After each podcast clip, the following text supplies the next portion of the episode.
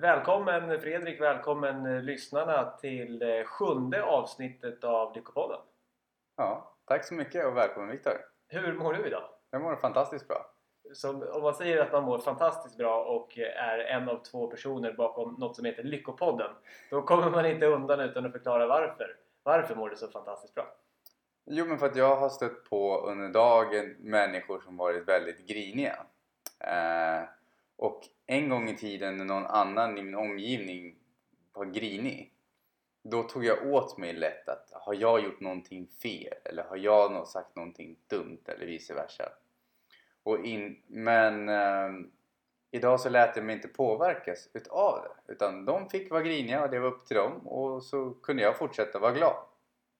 Så du har alltså du har mött griniga människor idag Ja, men du är ändå glad och därför är du glad? ja precis för att jag, ja, jag är glad över att jag fortsatte vara glad när andra var griniga. Mm, härligt! Själv då? Hur mår du? Jag mår, jag mår riktigt bra. Hade ett, eh, ett härligt möte med en, eh, en gammal kollega på stan. Prata om, om sådana här saker, självutveckling och, och livet och det, det är sånt jag verkligen gillar. Eh, Och nu på väg hit så, så kände jag mig liksom upprymd och inspirerad. Jag, jag kom på mig själv med att eh, till och med springa en bit. Eh, Jag kände mig som, som ett litet barn så här. Som när, när barn är på väg någonstans så kanske de lallar eller sjunger eller hoppar eller springer bara för att de spontant liksom får lust att göra det. Och det fick jag också. Eh, Så att eh, en, en bra känsla har jag. Mm. Fantastiskt. Jag brukar springa nu för tiden men det, det är för att jag fryser så mycket så jag vill in i värmen. Ja, det har jag också gjort. Men den här, nu frös jag inte och jag sprang ändå. Det, det, det var ett bra kvitto. Mm. Idag tänkte jag att vi skulle snacka om något laddat. Något laddat, det skulle kunna vara eh, porr, sex, eh, pengar. Och, och där också. Fast inte porr och sex, utan pengar. Mm. Pengar. Pengar och lycka. Pengar och Oj. fördomar. Och gör pengar en lycklig. Ja, det tycker jag är ett, ett himla intressant ämne. Vad tror du då? Gör, gör pengar eh, oss lyckliga? Jag tror att pengar är en del av... Alltså för, för mig är pengar en energi. Och Vad menas, vad menas då? Måste jag vända Ja, men vi gör som ett exempel då. Låt, eh, jag kan inte exakta historien kring pengar men till en viss del så är det så att en gång i tiden så bytte vi liksom kossor mot grisar, hö, ja, halm mot något annat. Man bytte ju fysiska varor mot varandra. Sen när åren utvecklades och vi började bygga större och större saker så kanske det är så att, låt säga att du vill köpa, få hjälp att bygga ett hus då kanske inte du vill ge bort 10 kossor. För om alla betalar med kossor då kommer jag ha kossor i all oändlighet. Det kommer vara hur mycket kossor som helst. Kosing. Ja. Kanske därför det heter det. Förmodligen inte. Förlåt, fortsätt. ja, det, det hade jag tänkt på. Men eh, det finns ju djur på mynt också. Jag kan tänka mig att de symboliserade till en början. Nu spekulerar vi vilt här. Men... Ja, ja, ja. det, fanns, det finns kungar på mynt också. Är det för att man bytte kung då? Det har jag ingen aning Nej, jag tror inte. Du får våran kung mot eran kung. Nej, då vill jag ha två av dina kungar. Men vi har bara en kung, det går inte. ja, det skulle vara jättekul att veta. Ja. ja, förlåt. Um, sen utvecklades det vidare. Det, har ju liksom, ja, det finns ju en hel uppsjö med variabler och saker som säkert har hänt däremellan. Sen har vi haft liksom guld och silver och sådana värdesaker. Och därifrån så byggdes det vidare till att det var jobbigt att släppa runt på guldet. Alltså det blir ganska tungt och det är inte så jättetryggt heller. Så då började man göra så att det fanns det som, jag tror det är de som blev dagens banker skrev ut kvitton istället. De förvarade eh, nu får jag be om ursäkt om inte historierna stämmer exakt men det här är min tolkning av Ja, historien. men i, i stora drag. Vi berättar det drag. som en barnhistoria, som en Ja, ja, ja. fabel. I fablernas värld. ja, i fablernas värld. Med ett visst mått av sanning. Ja. Då eh, så började de skriva ut papperslappar som bekräftade att det fanns guld. Då var det mycket lättare för mig och dig när vi skulle byta ut tjänster och sådana saker. Att jag gav dig en papperslapp och du gav mig en papperslapp. som hade täckning i valvet av guld. Precis. Fredrik har en papperslapp här som det står att han har så här mycket guld och det garanterar vi genom det här kvittot. Ja. Och det kan du gå och hämta ut här om du lämnar in papperslappen ungefär. Eh, sen tror jag det var 1971 eller 1976 som eh, presidenten i USA vet jag då, han kopplade bort guldet från valutan. Så det, till exempel förut var ju papperslapparna, dollarn, kopplad mot guld. Men från det årtalet så blev det inte det längre. Då var det ju bara papper. Eh, och från det så har vi växt vidare till att vi har digitaliserat allting. Idag finns det till och med kryptovaluta som en annan form av digital valuta och vi har de flesta banköverföringarna som vi gör även sker via internet. Så du menar att, att först har vi guldet som är fysiskt och faktiskt. Mm. Och sen så skrev vi eh, kvitton, papperslappar som garanterade täckning i guld. Mm. Och sen så slutade vi ha täckning i guld och hade rena sedlar som inte gick att gå och byta ut mot just guld. Mm. Och sen så har vi därifrån gått från sedlar till internetpengar. Digitala ettor och nollor. Ja, och även vanliga... Precis. Och de kan inte ta slut. Man kan göra mer av dem utan att ha backning i exempelvis guld eller något annat. Ja. Och därför ser jag, det är där jag menar på att pengar är ju en energi. Som att om vi tror på euron, då får den mer värde än om vi inte skulle tro på den. Det är på så vis energin vi lägger till valutan som avgör dess värde. Men tillbaka till det här om pengar gör en lycklig eller inte så tror jag så här att, att låt säga så här att om du inte kan betala din hyra Mm. så kanske inte du mår så jättebra när du blir vräkt en dag. Så på så vis kan pengar vara viktigt. Sen kanske inte det avgör om du är lycklig. Du kanske, du kanske älskar att bo i tält. Det vet ju inte jag. Men om din förväntning är att bo i den lägenheten du bor i. Nu vart det här Ja, jättekonstigt. men så här, om det är viktigt för mig att bo kvar i den lägenheten som jag bor i och så kan jag inte betala hyran och det gör att jag blir vräkt. Ja. Då blir jag eh, olycklig och det är på grund av att jag inte hade pengar till att betala hyran. Så, så brist på pengar kan ge, göra att jag får bakslag som får mig deppig. Ja, men däremot så tror jag också så här. Jag kan ju alltid hantera mina tankar så att jag väljer att se de sakerna som gör det. Vad lärde jag mig från det här? Hur kan jag förhindra det här nästa gång? Sådana saker. Så på så vis så blir jag ju inte olycklig när jag tänkt om. Alltså det, jag kan jämföra så här.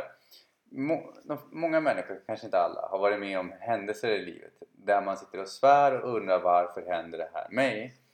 Där man senare i livet är glad för det när man kan se den liksom, det långa loppet. Just det. Och på så vis så är det ju inte förlusten av lägenheten heller som gör att vi blir olyckliga. Det är våra tankesätt om att vi borde inte bli av med lägenheten som gör oss olyckliga. Just det. Kanske att jag kände mig usel för att jag var en sån idiot som inte lyckades betala hyran i tid eller, eller jobba ihop tillräckligt mycket pengar. Mm. Eh, Men så brist på pengar kan försätta oss i situationer som skapar åtminstone kortvarig deppighet eller olycka eller vad vi nu ska kalla det för att göra det enkelt. Om vi har förväntningar som inte stämmer med det som sker. Ja, men om vi ska göra det enkelt. Ja. Så, så att, att ha lite pengar så att vi inte kan betala det vi vill betala för att må bra och få välfärd, det, det kan liksom vara, vara lite jobbigt. Ja. Och på samma sätt så, så tänker jag att, att då kunna betala det vi siktar in oss på i våra tankar. Att jag önskar mig att, att ha den här äh, bilen eller att kunna köpa de här nya vinterkängorna. Då kan det göra mig eh, glad att jag har pengar. Mm. Så pengar kan åt båda hållen spela en, en roll, åtminstone kortsiktigt, för hur vi mår. Om jag jämför att om det är en barn, nu har jag själv inte barn men om det är en barnfamilj som ska åka på semester eller om jag ens skulle åka på semester och så det gör ju mig gladare att kunna sitta och kolla på så här Four Seasons som är en lyxhotellkedja kunna åka första klass än om jag väljer min, mitt resmål baserat på billigaste sista minuten just nu. Det är ju skillnad om jag vill åka på sista minuten men vill jag unna mig någonting liksom lyxigt så kanske inte det är lika kul om jag inte får göra det. Men då är fortfarande mina förväntningar på att jag vill göra det här men jag inte kan göra det. Just det. Jag, jag kommer att tänka på, eh, det finns ju olika undersökningar och de varierar ganska mycket hur mycket pengar vi behöver ha för att vara lyckliga. Så man har försökt att, att göra sådana uppskattningar och det blir ju just uppskattningar. Och den undersökning som jag kommer ihåg i huvudet den säger att ungefär efter, det finns en, en ganska brant uppåtkurva samband med livsnöjdhet och eh, inkomst upp till ungefär 25 000 kronor i månaden.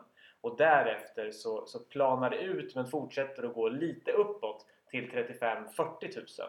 Och över 40 000 i månaden så är det nästan ingen ökning kvar. Så då skulle man kunna säga med ungefärliga svenska mått att upp till en månadsinkomst på 25 000 så, så kan du få en, en enklare och mer kryddad vardag materiellt sett genom eh, pengar och din Mm. lön. Och därefter så finns det en liten ökning men sambandet är inte så stort och till slut när du är rik, om vi nu säger det, då avtar det ännu mer. Mm. Och är ingen större skillnad. Det är en sån ungefärlig uppskattning. Men jag tänker att, att det här just att om vi förväntar oss att vi måste ha en viss summa pengar för att må bra och vi inte får in den summan pengar då kan det göra mig mindre lycklig. Att förväntningen om hur mycket pengar jag behöver ha för att vara lycklig där kan det ligga, där kan det, det kan vara nyckeln tänker jag. Och sen finns det ju fördomar kring pengar också som hindrar vissa. Eh, alltså jag brukar jämföra så här att eh, talesätt kring pengar är så att ja, jag har hellre kärlek än pengar. Ungefär som att ja, kan du betala hyran och är kär? Det går inte att göra det samtidigt. Eh, det är som att jag vet inte varför det har blivit så i vissa delar av samhället. Jag har själv på något sätt kopplat ihop det också för en gång i tiden. Just det, otur i spel, otur i kärlek och så vidare. Tvärtom. Ja. Eh, och nu menar jag inte att man ska gå och gambla bort sina pengar men att även om man jobbar bra och är duktig på att spara och göra sådana saker så betyder ju inte det att ens för, alltså förhållanden blir sämre. Det är ju till och med så att det var någonstans jag läste att två av de vanligaste sakerna man bråkar om i vissa parförhållanden är eh, städning och pengar. Så på så vis så tänker jag så här att pengar kan ju fortfarande bidra till sjukvård, till att jag kan köpa blommor, till att jag kan bjuda ut på en romantisk middag och sådana saker. Och då finns det till myt som säger att ah, om jag tjänar pengar så måste någon annan, så tar jag från någon annan.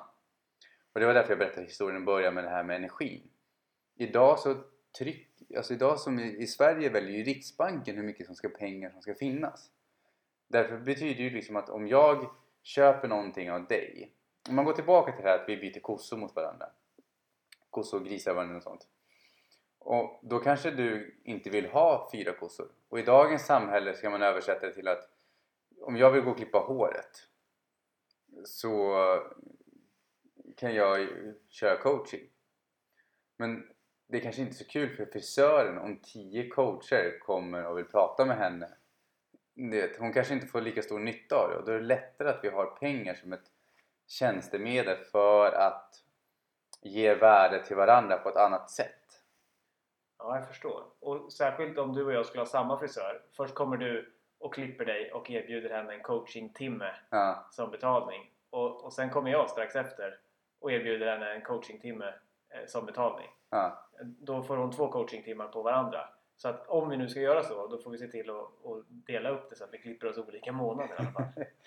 ja, och ännu värre är det om det kommer 50 coacher till.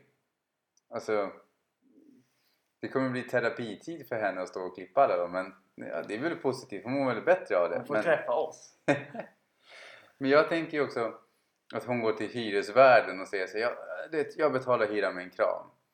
Det går ju säkert att göra en viss värld, men pengar är ju, som det ser ut just nu i alla fall, en energi som vi kan välja att ge värde till.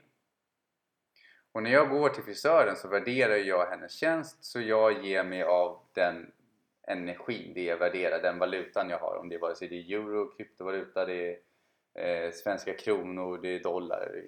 Jag kan tänka mig att, att en och annan, kanske jag själv åtminstone förut, skulle ändå, ändå vända mig så här, tycka att det låter flummigt med att pengar är en energi. Skulle man också kunna säga då en, en så här, psykologisk överenskommelse om ett värde? Här, Du och jag bestämmer oss för att det här glaset jag har framför mig är värt så här mycket. Ja, säger du. Och då har vi kommit överens om det. Ja. Och så sätter vi en, en, en siffra 20 och då har vi gjort att glaset är värt 20 kronor. Då har glaset blivit ett mynt. Mm. Typ. Ja men det är precis som jag, om jag går och köper extra fina ljuskoppar som jag, för att jag ska ha ljusen där och så står det ett pris då kan jag fortfarande välja om jag värderar de här ljuskopparna lika mycket som summan på, alltså på den här prislappen. Och gör jag inte det så kommer jag inte, förmodligen inte köpa dem. Även om jag skulle ha pengarna så skulle inte jag köpa dem. Sen kanske vissa köper dem för att de inte har råd men det är en annan sak. Men om jag skulle ha pengar på kontot och jag tittar på dem så kommer jag fortfarande välja värderar jag dem så här mycket? Jag tycker att det där är himla intressant. Om jag går till ett köpcentrum och, och börjar fundera på hur, hur är den här varan prissatt? Varför är den här värd så här mycket på den här affären? Och varför är den här värd så här mycket på den här affären? Men det är i princip samma grej. Och det finns ju saker som till och med är gjorda i samma fabrik med samma material men så klistrar vi en logga på det och då blir det värt mer. Och då blir det tydligt för mig att, att pengar inte är så himla konkret och liksom eh, statiskt konstant som, som jag när jag inte är vaksam kan eh, gå på den illusionen. Mm. Och sen kan vi göra så här, tänk dig att vi också just det här att om jag tjänar pengar så måste jag ta från någon annan. Så kan vi göra som ett exempel att ja, du kan ju alltid stjäla från någon annan, det finns ju som jag tror inte, men jag tror inte på den vägen. Eh, men jag gör någonting för dig som du uppskattar och därför betalar du mig för mina tjänster som jag har gett dig. Då har ju du mindre pengar. Men samtidigt så som det ser ut så idag så trycker ju även bankerna mer pengar. De, alltså de byter ju ut pengar också men det, det kommer ju mer och mer valuta i världen idag än det varit förut. Så även om du skulle få mindre just då så trycks det mer. Sen blir det inflation på det men det är en annan sak. Mm. Men varför tror du att det är så laddat med pengar? Jag tror det är fördomar kring pengar. Alltså, eh, jag var på en kurs en gång till och med i det där vi fick sitta och fylla i formulär på en skattningsskala 0 till 10 hur mycket vi trodde kring de här påståendena kring pengar. Och då var det liksom att, ja men som när jag var liten så var det Krösus Sork. Han hade gått om pengar i Bamse men du vet, du var ju tvungen att gå över lik för att tjäna pengar. Ehm, du har i Kalle, vad heter han? Joakim von Anka med sitt stora kassavalv liksom. Badar i pengar. Han bara badade i pengar liksom. Och det var det hans liksom, tankar kretsade kring. Och på något vänster har vi gjort associationen då att det är någonting fult. Samtidigt som vi vill ha det. Men att jag medvetet säger att jag vill ha mer pengar på kontot för att jag vill kunna köpa någonting fint, nya kläder, de kanske är trasiga. Jag vill kunna köpa någonting till min systers barn. Eh, köpa presenter eller vet, laga bilen skulle kunna vara en sån grej. Men undermedvetet har jag bilden av att ska jag få ihop de pengarna då måste jag bli som Krösus Sork, jag ska trampa, jag ska gå över lik eller bli som Joakim von Anka och bygga upp ett stort valv där jag bara badar i guld och det är det enda jag tänker på. Och, det, och då kommer vi undermedvetet dra oss att skapa självsaboterande beteenden som hindrar oss från att få det vi faktiskt söker. Hmm. Hur kan det gå till liksom? Om, om jag inte ens vet om att jag har en bild av att rika människor har fått sina pengar för att de har trampat på andra. Hur kan det liksom... Eh... Men jag frågar dig, på skalan 0 till 10 där 10 är att du verkligen tror på det och 0 är att nej men det är absolut inte sant. Ja, kör på. Vart ligger du? Vilken siffra skulle du ge dig själv? På frågan Ja men säg så här, pengar är roten till allt ont. 3. 3. Ja. Och ju högre du är där i skalan då betyder det att det är någon del av dig som till en liten viss del nu, du har ganska lite som tror på det. Men har man, jag brukar göra som ett exempel, har man 5 och uppåt då har man en, alltså det är här jag pratar om energi. Energi kan vara ett minne, det kan vara saker man har hört när man var liten, som man har sett, hur ens föräldrar hanterade pengar. Uh, det finns en intressant kille som jag gillar som heter Harvecker uh, eh, i USA. Han berättade ju att hans fru och han, de bråkade alltid om pengar förut. Tills de kom på en grej att när hans fru var liten, alltså några år, och glassbilen kom så sprang hon alltid till mamma och bara Mamma, mamma kan jag få pengar till glassbilen? Och hennes svar var alltid Nej, mamma har inga pengar men gå till pappa, pappa har pengar. Så han kan du få pengar av så kan du gå och handla glass.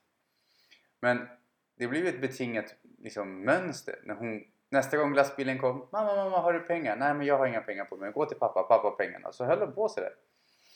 Och hon som litet barn såg ju upp till mamman som sin förebild att liksom det är så här det ska vara. Och det hon på något vänster hade lyckats programmera in, om man ska prata programmering om, är att kvinnor har inga pengar, det är männen som har dem. Så det enda sättet att få pengar det är att gifta dig med någon som har dem.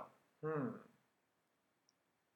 Och det gjorde ju att varenda kille hon var med såg hon till att hon träffade killar som hade mer pengar. Hon såg alltid till att alla pengar hon fick spenderade hon. För hon kunde inte ha några pengar.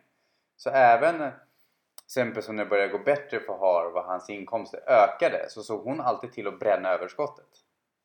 För hon hade en bild av att, att hon inte skulle hålla... Undermedvetet Ja. så gjorde hon sig av med pengar för att hennes mamma hade inga pengar. Hon identifierade sig undermedvetet med sin mamma. Ja, Och hennes pappa hade pengar och då hennes partner ja. hade Som också är manliga rollsfiguren. Just Då är det ju han som skulle ha det. Det här är himla intressant hur vi eh, omedvetet eller undermedvetet då eh, kan vara med om saker när vi är barn som sen finns med oss och ligger till grund för olika värderingar när vi är vuxna.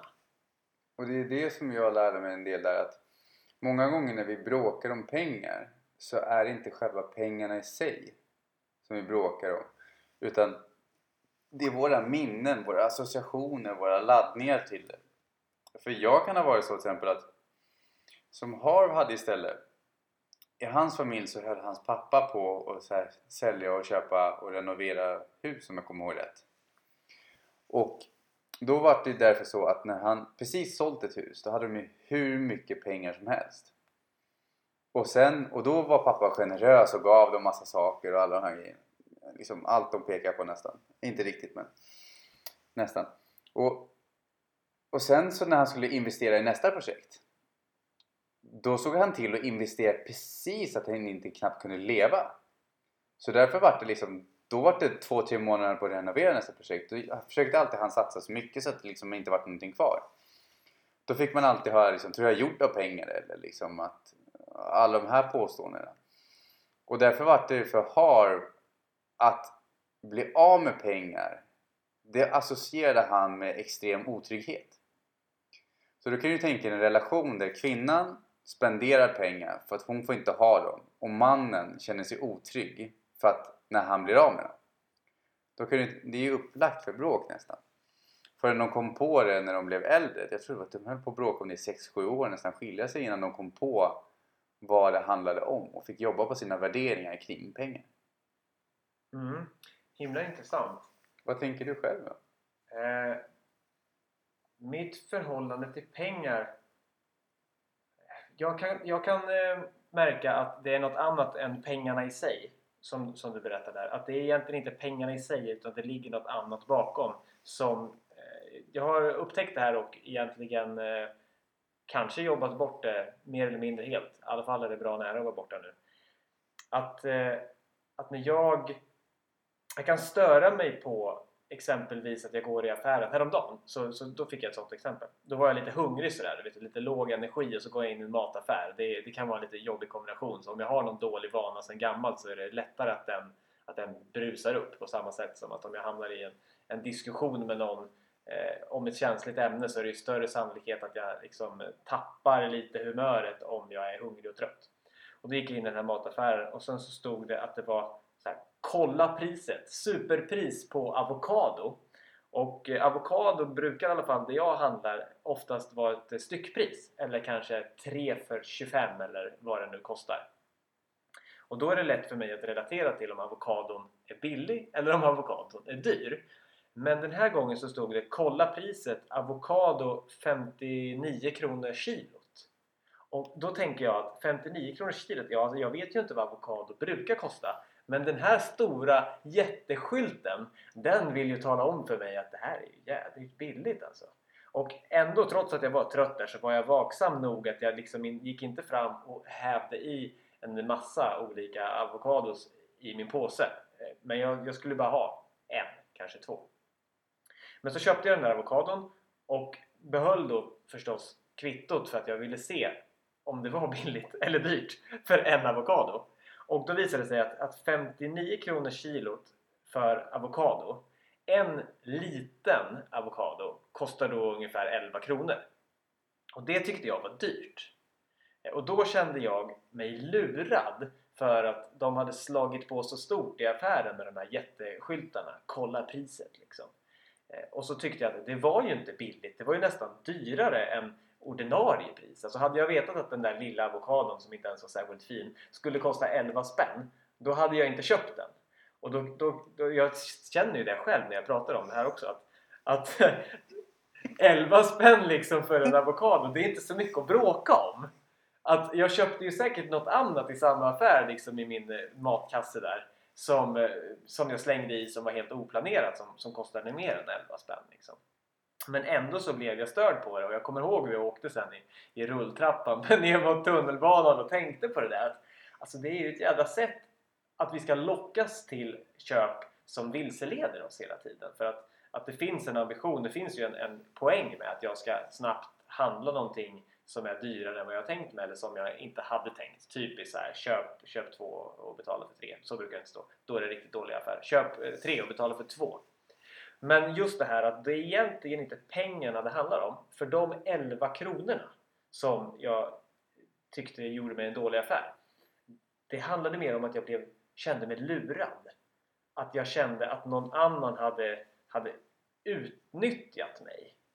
Och att det inte handlar om summan i sig. Och på samma sätt så, så har jag tidigare Jag är en sån där som gärna för för framförallt för miljöns skull men även lite för pengarnas skull har tagit med mig ryggsäck till mataffären och kört med eh, tygpåse istället för plastpåse. För jag vet ju att mataffärerna har ju jättebra marginal. En av de sakerna sägs det i alla fall. Eh, Jag har inte faktakollat det själv.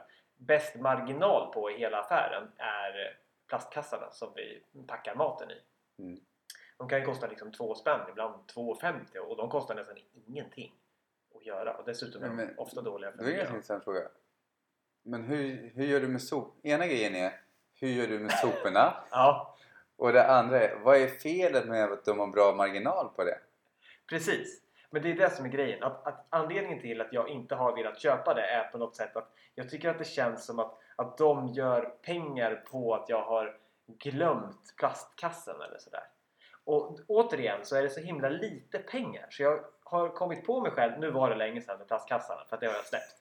Jag har kommit på mig själv med att gå från mataffären, att du bara skrattar där men det gör du rätt i. Att gå från mataffären och liksom så sura över att ha fått betala 2,50 och inte för att jag, och det var då för att jag kanske åkte direkt från jobbet till mataffären och inte hann hem eller inte liksom kom på att jag skulle ha med mig min, min tygpåse. Ja, det här är ju larvigt men det finns Ja, men- säkert någon som, som, som känner kan igen du det. inte märka att de tillgodosåg ju ditt behov där? Jo, Och så, och så är det fel på att de tjänar pengar på att de tillgodoser ditt behov och gör det lättare för dig att bära hem. exakt. För jag valde att se att de försökte lura mig istället för att, se att den här påsen gör ju att jag kan ta mig hem med mina varor överhuvudtaget. Alla vet väl, och särskilt jag för jag såg någon på tunnelbanan som hade en, som hade en, eh, en sån här plastkasse och så, så gick det hål i botten och då fick jag verkligen en demonstration över hur, hur jobbigt det är att inte ha en kasse, en påse till sina matvaror. Att försöka bära typ 20 matvaror utan en påse. Och, och jag slår vad om att den människan hade betalat mer än 2,50 för att slippa tappa ut alla sina matvaror på golvet i tunnelbanan. Mm. Men, men om vi inte är vaksamma menar jag så, så kan de här symboliska sakerna som handlar om något helt annat eh, få väldigt stor makt över oss. Ja, gud ja. Jag har ju märkt att ibland just det här att jag kommer inte ihåg, det var någon grej de gjorde att de försökte gå fram till folk och erbjuda grejer på gatan. Mm. Eh, och även hur bra det än var, liksom, så att men du kan få pengar av mig. Så var folk så här, så gick de vidare. För att vi har byggt upp, kanske som, jag antar att som ett skydd mot, jag vet inte vad. Det, att, att, om någonting är för bra för att vara sant så är det förmodligen det. Är det inte den? Jo, jo, det var den jag letade efter. Men sen kan det vara också prata inte med främlingar. Mm. Den fick jag jobba på. Jag ville bli socialare för att jag var ganska osocial en gång i tiden. Och då fick jag jobba på att det jag, den bilden jag skapar, precis som att vi kan skapa en negativ bild kring pengar så hade jag lyckats skapa en negativ bild kring socialt samspel. Mm. Och det var, prata inte med främlingar. För gud vet vad som kunde hända om fula gubbar kom med godis och grejer och sånt. Ja, just det. Problemet med mitt undermedvetna, den, tog, den drog inte associationen att det bara var gamla gubbar med godispåsar som lockade. Utan, äckliga kvinnor med godispåsar. ja, men den drog associationen. Jag hade lyckats dra associationen och jag kan tänka mig att det är fler som också gör det. Ehm, att prata, vi inte prata inte med främlingar var att det är kanske är därför vi inte är lika sociala på tunnelbanan, på tåget. Alltså du vet när vi är ute på mingel, på fester, sådana saker. För ibland kan det vara så att vår hjärna skapar en association mellan två saker men den kan inte alltid skilja sig jättemycket på dem. Och ibland kan den det. Men om man har den här bilden att det är farligt att prata med någon du inte känner och så växer du upp då kanske inte det alltid den bilden stämmer med verkligheten när du är större. Ja, så länge du inte går fram, går inte fram till någon med vapen men sitter på en fest så kan hjärnan fortfarande lura en att oj oj, men den som sitter där på andra sidan bordet det är ju en främling. Vi känner ju inte varandra. Och därför kan det bli lättare när någon annan bjuder in oss. Att åh, men det här är eh, Sara. Du måste prata med henne på grund av det här och sånt. Mm. För då, då blir det tryggare för oss för då är inte hon längre en främling. Men på samma... Eh, ja, hur kom vi in på det här? Men tillbaka till pengar då. att vi kan ha byggt, fått bilder intalade i oss att det är inte bra, det är farligt och det är inte viktigt. Och då gillar jag förklaringen så här. Om din flickvän inte är viktig. Du kan liksom, you couldn't care less. Och du prioriterar henne inte för fem öre. Hur, alltså, du kan lika gärna vara utan henne. Mm. Hur länge har du kvar henne? Ja, om jag, om jag behandlar min flickvän som, som att jag inte bryr mig, hon är inte ens värd fem öre och ja, förmodligen inte länge. Ja. Och så är det ju med fler saker. Alltså, behandlar jag min telefon som att det inte är värt någonting, jag är inte varsam med den, då är risken större att den går sönder fort. Likväl med att tar inte jag hand om mina pengar, de är helt oviktiga, då finns det en chans till att jag inte lyckas hålla koll på dem heller. Och jag kan tänka mig att en del av rädslan vi byggt upp kring pengar är att vi inte kan så mycket kring det. För att jag fick lära mig att räkna äpplen och päron i grundskolan. Men jag fick inte lära mig så mycket kring ekonomi. Just det, kanske att vi har lärt oss eh, att, att pengar är svårt Mm. och för att eh, hantera svåra saker så vill vi be någon annan om hjälp. Och vem ber vi om hjälp när det handlar om pengar? Eh, om vi är barn kanske vi ber våra föräldrar om hjälp och våra föräldrar tycker kanske också att pengar är svårt och vem ber våra föräldrar om hjälp då? Jo, då ber man banken om hjälp. Mm. Och banken kan säkert ge råd hit och dit men de lär ju inte oss särskilt mycket om pengar. De kan ju möjligen göra en tjänst åt oss och ta betalt för det men det är inte så att de utbildar oss i ekonomi. Ja, och sen så får man ju tänka på att banken säljer ju ekonomi, alltså pengar. Så att när man går till en bank och köper deras fonder så är det ju inte...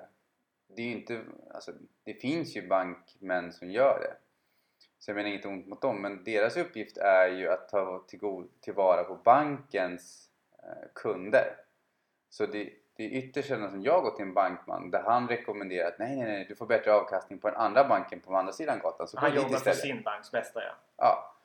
Eh, vilket är fullt förståeligt. Annars, hur ska de gå runt? Men det blir ju... Jo, det finns säkert ett sätt att gå runt. Nu stoppar jag mig själv där. Men... Eh, ah, att ha i åtanke att de har ju sitt intresse till det bästa. eh, de har ju till en viss del också ditt för att de vill att det ska gå runt för dig. Men de utbildar kanske inte i de andra formerna som finns där ute också.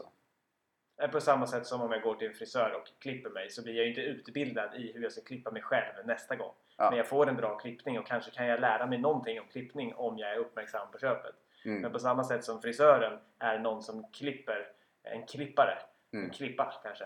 Så, så är min, min bankman egentligen en, en säljare som ger råd.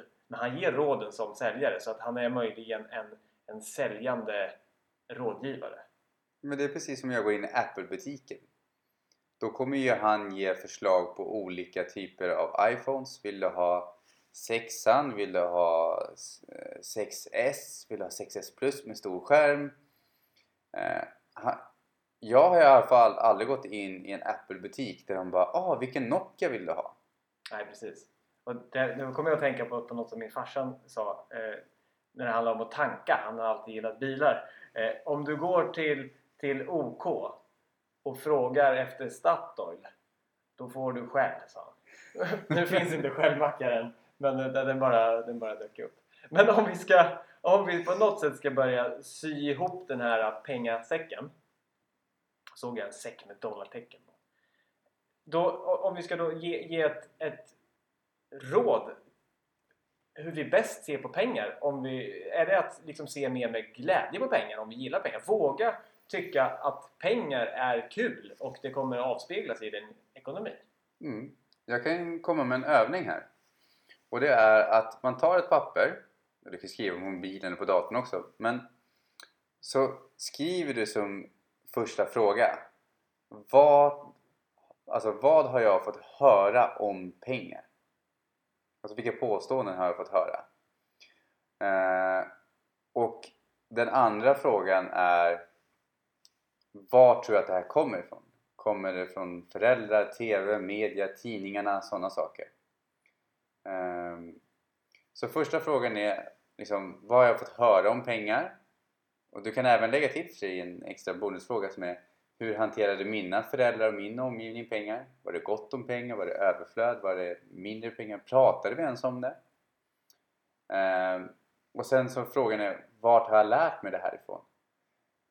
Och en god insikt för mig var att jag hade, få, jag hade fått en ganska negativ laddning till att ja, det skulle hända någonting dumt kring mig om jag hade pengar när jag gjorde den här övningen.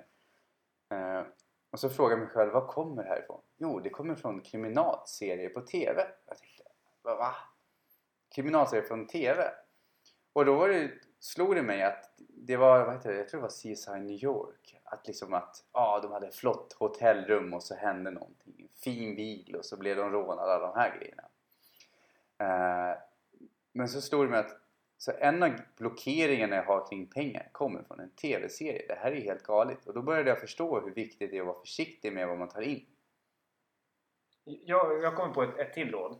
Eh, om, om jag ska lära mig att bli asbra på taekwondo och jag kan ingenting om taekwondo idag. Då är sannolikheten stor att jag är klok nog att gå till någon som kan taekwondo. Mm. Om jag vill lära mig någonting om pengar för att jag inte idag tycker att jag kan tillräckligt mycket om pengar. Då vore det rimligt att gå till någon idag som kan mycket om pengar. Som har en god ekonomi själv. Det är mitt råd. Mm. Och har du ingen kompis runt omkring dig som kanske har lika god ekonomi som du önskar så kan jag slänga in ett gratis tips eh, för balansekonomis öppna föreläsningar. Eh, de brukar normalt sett inte kosta någonting tror jag. Nej, man, man kan få gå på, på en, en första föreläsning som är sjukt inspirerande. Jag har gått på den men inte kursen. Det, det här är ett företag som heter Balansekonomi som utbildar i både ett, ett rikt liv, att få det både via ekonomi men även liksom ett rikt liv innehållsmässigt. Och Vi- tidsmässigt, relationer. Vi har ingenting med det här företaget att, att göra kan vi säga, så det är ingen, ingen rekommendation som är partisk utan vi gillar dem bara vad de gör. Ja. Sen kan vi självklart gå deras vidareutbildningar också. Men jag tänker på att prova som ett första steg bara för att komma in lite mer i det och gå på deras gratis föreläsning. Det finns bra böcker också. Ja. Eh, vi kan slänga in några av de tipsen på vår hemsida och på vår Facebook. Ja, vi, vi ser till att dela med oss av, av boktipsen. Ja. Eh, tack för ett eh, trevligt och inte så himla laddat eh, samtal om pengar. Tack detsamma.